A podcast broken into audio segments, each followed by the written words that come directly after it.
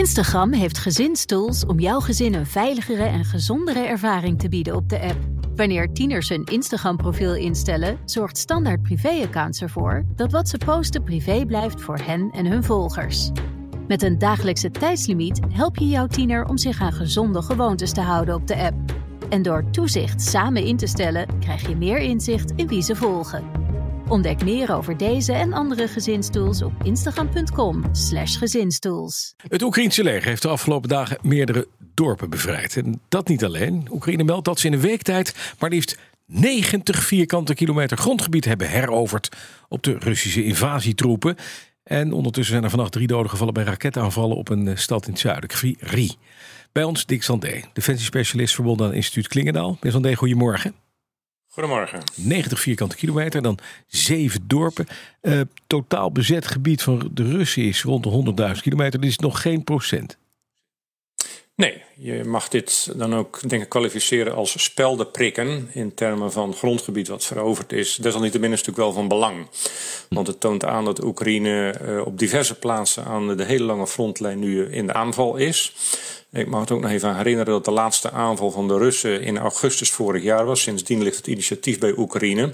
Dus hier is wel degelijk sprake toch van een uh, soort ommekeer in de strijd. Of die succesvol wordt afgesloten voor Oekraïne met het veroveren van het hele gebied wat door Rusland uh, nog steeds bezet wordt. Dat is natuurlijk een hele andere ja. vraag. Maar het initiatief ligt duidelijk bij Oekraïne. Duidelijk. En dit zijn speldenprikken, zegt u. Wanneer kunnen we dan het echte tegenoffensief gaan verwachten? Dit is een soort lakmoesproef dus. Van gaat het? En kunnen we kijken in hoeverre we tegenstand krijgen. En daarna gaan we. Want we horen anderzijds ook verhalen van de Russen.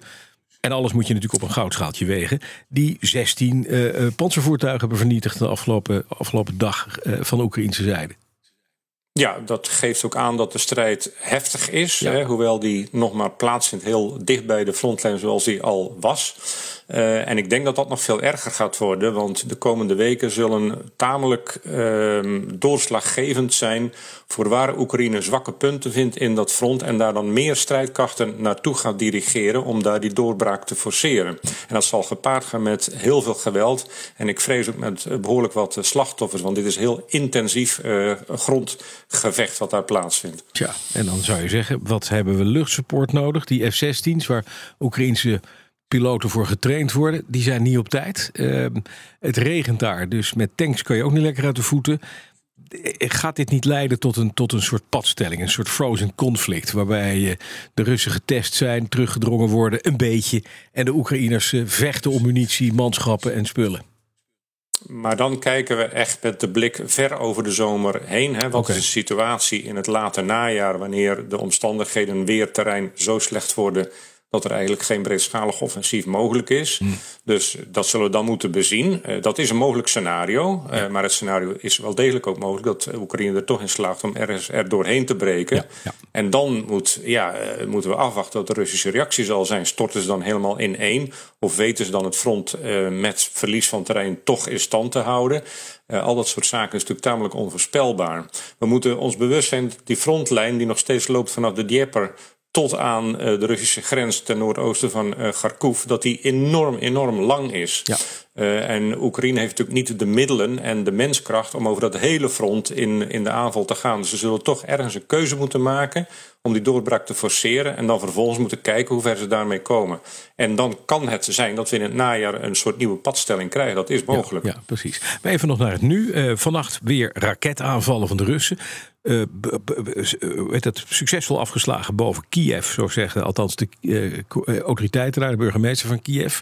Weer raketten die insloegen, maar nu ook Russische raketaanvallen op Kryvyi Rih. en daar, ja, daar lukt het dus kennelijk wel om door de luchtverdediging heen te komen. Ja, dat is natuurlijk het probleem van Oekraïne. Oekraïne moet keuzes maken waar ze de luchtafweersystemen die ze door van het Westen hebben gekregen opstellen. Ja. En Kiev is natuurlijk bijzonder, dat is de hoofdstad. Uh, dus rondom Kiev staat vrij veel luchtafweer opgesteld. En daar wordt dan ook het overgrote deel van, van de drones en andere middelen die ingezet worden, raketten die worden uit de lucht gehaald. Dan zie je Rusland natuurlijk zoeken naar andere gebieden en steden waar die luchtverdediging of afwezig is of veel zwakker is. En overigens, deze plaats is nogal symbolisch, want het is de geboorteplaats van president Zelensky. Ja. Uh, dus er speelt misschien propaganda ook uh, geredeneerd ook nog wel mee. Ja. Uh, maar dat is natuurlijk het probleem. Je kunt niet het hele land vol met luchtverdediging zetten. Dat, dat gaat gewoon niet. Je moet daarin keuzes maken. Instagram heeft gezinstools om jouw gezin een veiligere en gezondere ervaring te bieden op de app. Wanneer tieners hun Instagram-profiel instellen, zorgt standaard privé-accounts ervoor dat wat ze posten privé blijft voor hen en hun volgers. Met een dagelijkse tijdslimiet help je jouw tiener om zich aan gezonde gewoontes te houden op de app. En door toezicht samen in te stellen, krijg je meer inzicht in wie ze volgen. Ontdek meer over deze en andere gezinstools op instagram.com/gezinstools.